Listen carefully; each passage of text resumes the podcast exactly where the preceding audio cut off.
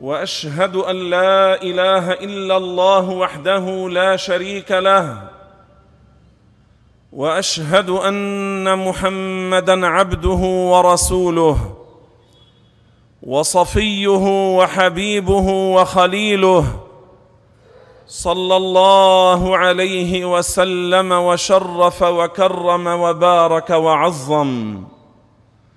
وعلى جميع إخوانه من النبيين والمرسلين وسلام الله عليهم أجمعين. أما بعد عباد الله أوصيكم ونفسي بتقوى الله في السر والعلن. ألا فاتقوه وخافوه يقول الله جل وعز. يا أيها الذين آمنوا اتقوا الله حق تقاته ولا تموتن إلا وأنتم مسلمون. ويقول الله تقدست أسماؤه إنا أنزلناه قرآنا عربيا. لعلكم تعقلون. وروى الحاكم في المستدرك على الصحيحين أن رسول الله صلى الله عليه وسلم قال أحب العرب لثلاث. يأمرنا يعلمنا يوجهنا يقول لنا أحب العرب. يقول للناس يقول لأمته صلى الله عليه وسلم أحب العرب لثلاث لأني عربي وهو أشرف خلق الله صلى الله عليه وسلم ولأن القرآن عربي ولأن كلام أهل الجنة العربية وفي بعض الألفاظ والروايات ولسان أهل الجنة العربية اللسان يعني اللغة ومن الأنبياء العرب هود وصالح وشعيب ومحمد عليهم وعلى كل الأنبياء سلام الله.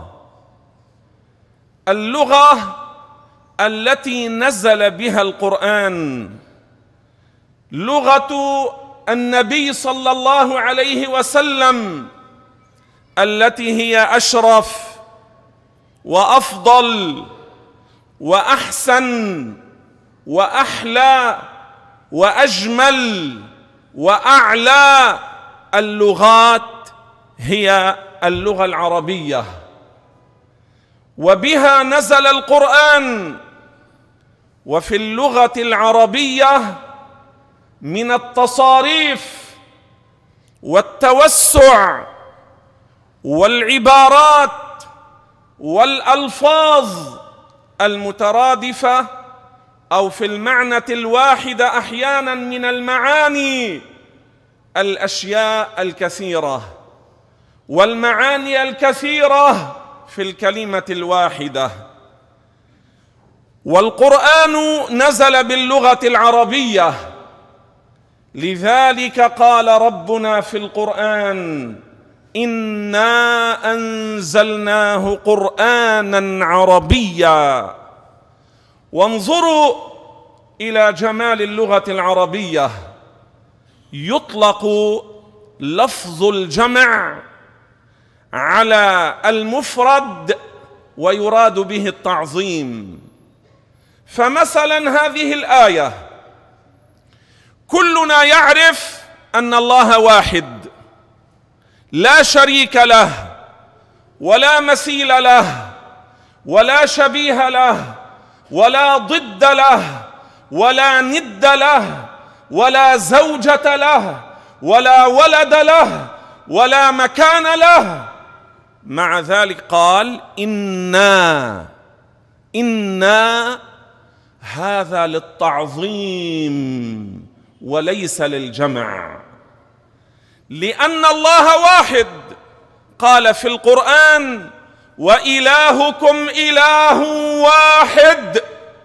وقال سبحانه لا إله إلا أنا فاعبدون. آيات كثيرة. فما معنى ما جاء في أول هذه الآية إنا هذا للتعظيم. الله يعظم ذاته. وهذا في لغة العرب معروف. أنت إذا خاطبت الأمير إذا كلمت الملك إذا حادثت الخليفة تقول قلتم فعلتم أمرتم تكرمتم علينا. وهو واحد. هذا معروف عند العرب معروف عند الأطفال في لغة العرب هذا للتعظيم. وفي هذه الآية إنا هذا للتعظيم والتقديس والتمجيد. والله واحد لا شريك له ولا ضد له. قال إنا أنزلناه قرآنا عربيا. أمر جبريل عليه السلام فأخذه من اللوح المحفوظ. جبريل ليس هو الذي ألف القرآن وجبريل ليس له تصرف في آيات القرآن وجبريل لا يزيد ولا يبدل ولا يغير في القرآن حاشاه. جبريل أمين الله على الوحي أمين الله على الوحي. الله ماذا قال في مدح جبريل؟ إنه لقول رسول كريم. قال عنه رسول يعني الله يرسله الله يأمره فينفذ. كريم مطاع ثم أمين. وصفه بالأمانة وصفه بالأمانة. فجبريل لم يغير في القرآن ولا يبدل ولا يتصرف. إنما ينزل به كما أمره الله. قرأه جبريل على محمد عليهما السلام. وليس الله تلفظ بحروف القرآن. حاشا. لأن الله كلامه ليس بحرف ولا صوت ولا لغة. فإذا قلت ما معنى إذن أنه نزل باللغة العربية؟ نزل بلغة محمد وقريش. لأنه قال لعلكم تعقلون وفي موضع آخر لقوم يعلمون يعلمون إذا سمعوه فهموا. وأما الله فمتصف بالكلام وكلامه ليس بحرف ولا صوت ولا لغة. أما اللفظ المنزل هذه الحروف التي أخذها جبريل من اللوح المحفوظ وقرأها على الرسول صلى الله عليه وسلم فهي دليل يدل على كلام الله الذاتي. فهي عبارة عن كلام الله الذاتي. انتبهوا معي يا إخواني. هنا إذا كتب الله لفظ الجلالة هذه الألف واللام واللام والهاء هل هي عين ذات الله المقدس الذي نعبده؟ لا. هي دليل يدل على الذات المقدس الذي لا شبيه له. والقرآن والكتب السماوية المنزلة دليل يدل على كلام الله الذاتي الذي ليس بحرف ولا صوت ولا لغة. هذا معنى أنه عربي يعني اللفظ المنزل. قال تعالى إنا أنزلناه قرآنا عربيا. لعلكم تعقلون. كل من يفهم أصل اللغة العربية ويتكلم العربية بالسليقة ويعرف لسان العرب إذا سمع الرحمن على العرش استوى يفهم أن الله متصرف في العرش وفي كل العالم كما يريد. يفهم أن الله تعالى فعال لما يريد. وليس معناها جلس. ليس معناها قعد. ليس معناها استقر أو حازا. المحاذاه هذا بدون استقرار أو الاستقرار والمماسة والجلوس. كل هذا صفات المخلوقين لا يجوز على الله. إذا ما معنى الرحمن على العرش استوى؟ قال ابن عباس استولى. يعني هو بصفته الأزلية الاستيلاء والقهر يفعل في العرش وفي كل العالم كما يريد. هذا معناه. الرحمن على العرش استوى! لم يقل جلس لم يقل قعد لم يقل استقر أو حاز لأنه لو كان كذلك. إما أن يكون العرش ازليا معه لأن الله أزلي وهذا إشراك. أو أن يكون هو مخلوق كما أن العرش مخلوق وهذا كفر. إذا ما هو الحق؟ ما قاله الله في القرآن. وهو الواحد القهار. ما قال الجالس؟ ما قال القاعد القهار. قاهر للعرش ولكل العالم. أليس قال في القرآن فعال لما يريد؟ ابن عباس ترجمان القرآن. ابن عم رسول الله. صلى الله عليه وسلم من دعا له الرسول اللهم علمه الحكمة والتأويل. وفي رواية وتأويل الكتاب. ابن عباس الذي قال أنا من الراسخين في العلم. فسر الرحمن على العرش استوى قال استولى. هذا ابن عباس. الذي أخذ من الرسول أخذ من أبي بكر وعمر وعثمان وعلي. فسرها قال استولى. ما قال جلس وقعد. استوى بمعنى جلس استوى بمعنى قعد استوى بمعنى استقر. هذا دين اليهود. اليهود هم يقولون خلق السماوات والأرض ثم تعب فاستلقى على العرش على قفاه ليرتاح. تنزه الله. الله يقول وما مسنا من لغوب. ما أصابه تعب. لأنه يخلق الأشياء بقدرته. ليس بالمباشره والأعضاء ليس بالجسم والحجم لأنه ليس جسدا. هذه لغة العرب. أما عندما كثرت الفتوحات وانتشر الإسلام ودخلت القبائل والعشائر في الإسلام ثم دخل بعض الكفار في الإسلام الكثير من الكفار دخلوا في الإسلام صار أعداء الإسلام يكيدون للإسلام يحاربون الإسلام فأطلق المشبهة المجسمة الكرامية الذين أخذوا من اليهود. احفظوا وارجعوا إلى الأصل الكرامية. جماعة محمد بن كرام أول من قال بالتجسيم والجلوس في هذه الأمة ممن يدعون الإسلام وأخذوا ذلك عن اليهود. هذا الأصل. أما دين الإسلام الله ليس كمثله شيء. لا شبيه له. لو جئت بواحد من كفار قريش كفار قريش الذين يتكلمون العربية بالسليقة وسألته عن هذه الآية لا يقول لك جلس وقعد لأنه يعرف أن لغة العرب واسعة. تعرفون ماذا قال القاضي القاضي الفقيه أبو بكر بن العربي المغربي المالكي؟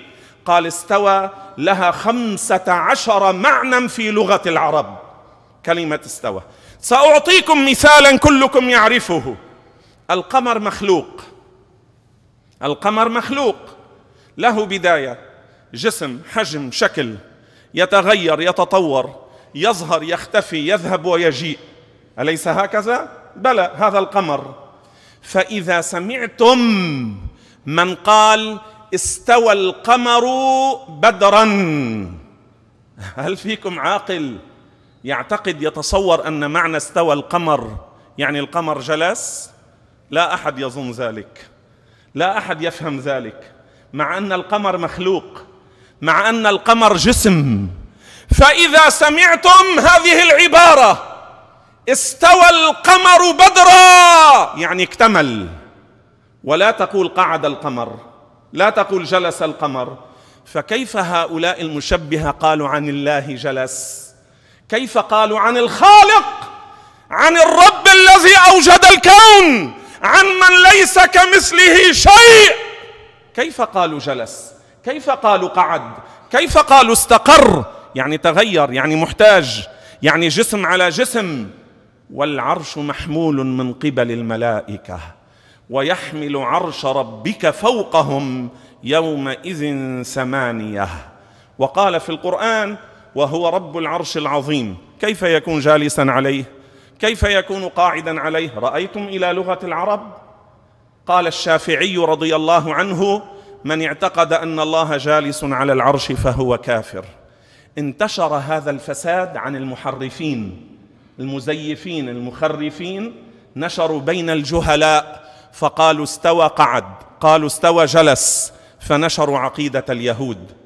أما هذا الصحابي ترجمان القرآن حبر الأمة عالم الأمة. عبد الله بن عباس يقول استوى استولى والشافعي يقول من اعتقد أن الله جالس على العرش فهو كافر. هذا الشافعي رواه ابن الرفعة ورواه ابن المعلم القرشي عن الشافعي. هذه اللغة اعتنوا بها. لأنكم بغير اللغة العربية لن تعرفوا معاني القرآن والحديث. بغير اللغة العربية وبغير فهمها وفهم كلماتها لن تتمكنوا من تحصيل العلوم. فأقبلوا بأولادكم لفهم اللغة العربية ولدراسة اللغة العربية. هذه الجامعة العالمية لجلوبل فرسان اللغة العربية فيها في قسم وكلية اللغة العربية في الجامعة العالمية. يعملون على تعليم الناس وإقامة الدورات مجانا وعبر المواقع ويحضرون المؤتمرات وحصلوا الشهادات وحصلوا الكثير من المراتب المتقدمة والعالية في الدول العربية وغيرها من قوتهم في اللغة العربية. انتسبوا ادخلوا أرسلوا أولادكم إلى هذه الكلية ليلتحقوا بفرسان اللغة العربية في الجلوبل الجامعة العالمية. هؤلاء يعلمون الدين ويعلمون هذه اللغة الشريفة لوجه الله. لوجه الله. فلا تتركوا أنفسكم بلا علم. وانظروا إلى المخططات. انظروا إلى الحروب. على الإسلام والمسلمين وعلى اللغة العربية.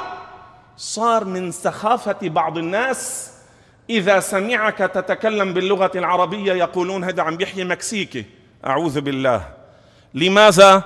لأنهم كانوا يحضرون تلك المسلسلات السخيفة الساقطة المكسيكية المترجمة إلى اللغة العربية. صار بعض الجهال يقولوا عم بيحكي مكسيكي. عن ماذا؟ عن الفصحى عن اللغة العربية الأصل. وانظروا إلى المخطط الآخر.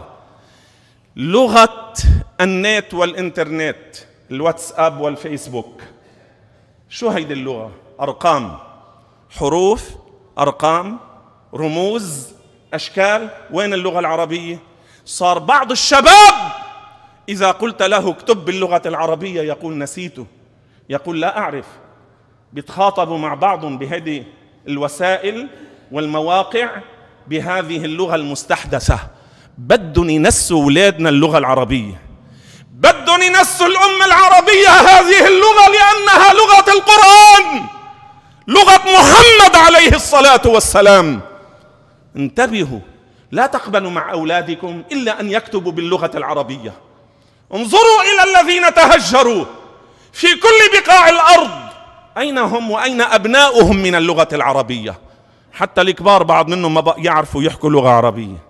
أنا واحدة قالت مرة أمامي قالت اللغة العربية نسيتها ولغة البلد لا أعرفها. الله أكبر. وهي امرأة كبيرة جدة جدة. ما بقى تعرف تحكي لغة عربي؟ ولغة البلد ما بتعرف تحكيها. نسيت اللغة العربية نسيت! هذه مخططات. انتبهوا لأولادكم. ألزموهم أن يكتبوا باللغة العربية الفصحى. ارجعوا بهم إلى ذلك. احفظوا هذا الحديث. حفظوه لأبنائكم. أحبوا العرب لثلاث لأني عربي قال عليه السلام. ولأن القرآن عربي. ولأن كلام أهل الجنة العربية. هذا وأستغفر الله لي ولكم فيا فوز المستغفرين.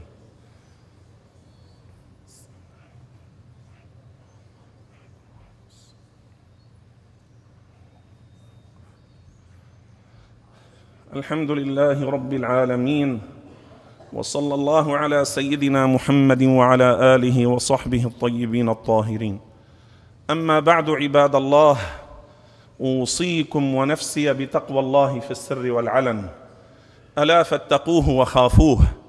يقول الله جل وعز يا أيها الذين آمنوا اتقوا الله حق تقاته ولا تموتن إلا وأنتم مسلمون.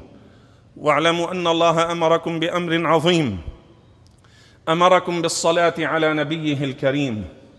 فقال وهو أصدق القائلين ان الله وملائكته يصلون على النبي.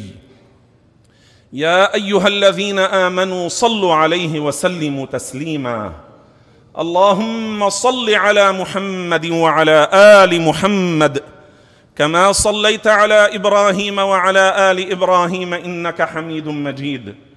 وبارك على محمد وعلى ال محمد. كما باركت على إبراهيم وعلى آل إبراهيم إنك حميد مجيد. ربنا آتنا في الدنيا حسنة وفي الآخرة حسنة وقنا عذاب النار. ربنا اشرح صدورنا ويسر أمورنا واغفر ذنوبنا. تب علينا وعافنا واعف عنا واهدنا وارحمنا وسامحنا وأصلحنا. اللهم إنا ظلمنا أنفسنا ظلما كثيرا. وإنه لا يغفر الذنوب إلا أنت. فاغفر لنا مغفرة من عندك يا الله. بحق اسمك العظيم الأعظم تب علينا وسامحنا. اللهم احقن دماء المسلمين وفرج عن المسلمين وارحم الموتى المسلمين واشف المرضى المسلمين واجمع كلمة المسلمين وألف بين قلوبهم يا رب العالمين وانصرهم على عدوك وعدوهم رب العالمين. اللهم أكرمنا برؤية نبيك عليه الصلاة والسلام. وارزقنا زيارته وشفاعته. واجعل تربتنا البقيع. اللهم أدخلنا الجنة مع الأولين. واكتبنا في عبادك الناجين الآمنين.